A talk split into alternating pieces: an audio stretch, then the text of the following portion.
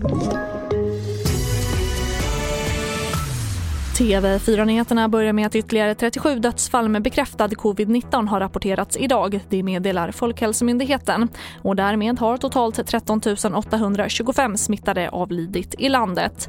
Och myndigheten meddelar också att rekommendationen om att enbart personer över 65 år ska vaccineras med AstraZenecas vaccin ligger kvar och att alla personer under 65 år som fått en första spruta av AstraZenecas vaccin mot covid-19 kommer att få en andra spruta av Pfizer eller Modernas vaccin istället stället. Och en person har hittats död i en bostad i Örebro, det skriver Aftonbladet. Enligt polisen rör det sig om en man i 70-årsåldern och en förundersökning om mord är inledd. Och mordet misstänks ha skett någon gång under det senaste dygnet. I nuläget har polisen ingen misstänkt. Och det brinner fortfarande kraftigt i en bilverkstad i Fiskeby i Norrköping och 25 brandmän är på plats och bekämpar branden.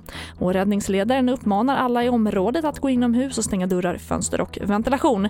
Och anledningen är kraftig rök som driver in över ett bostadsområde. Och mer om den här branden i Norrköping och Folkhälsomyndighetens presskonferens kan du se på tv4.se. Jag heter Charlotte Hemgren.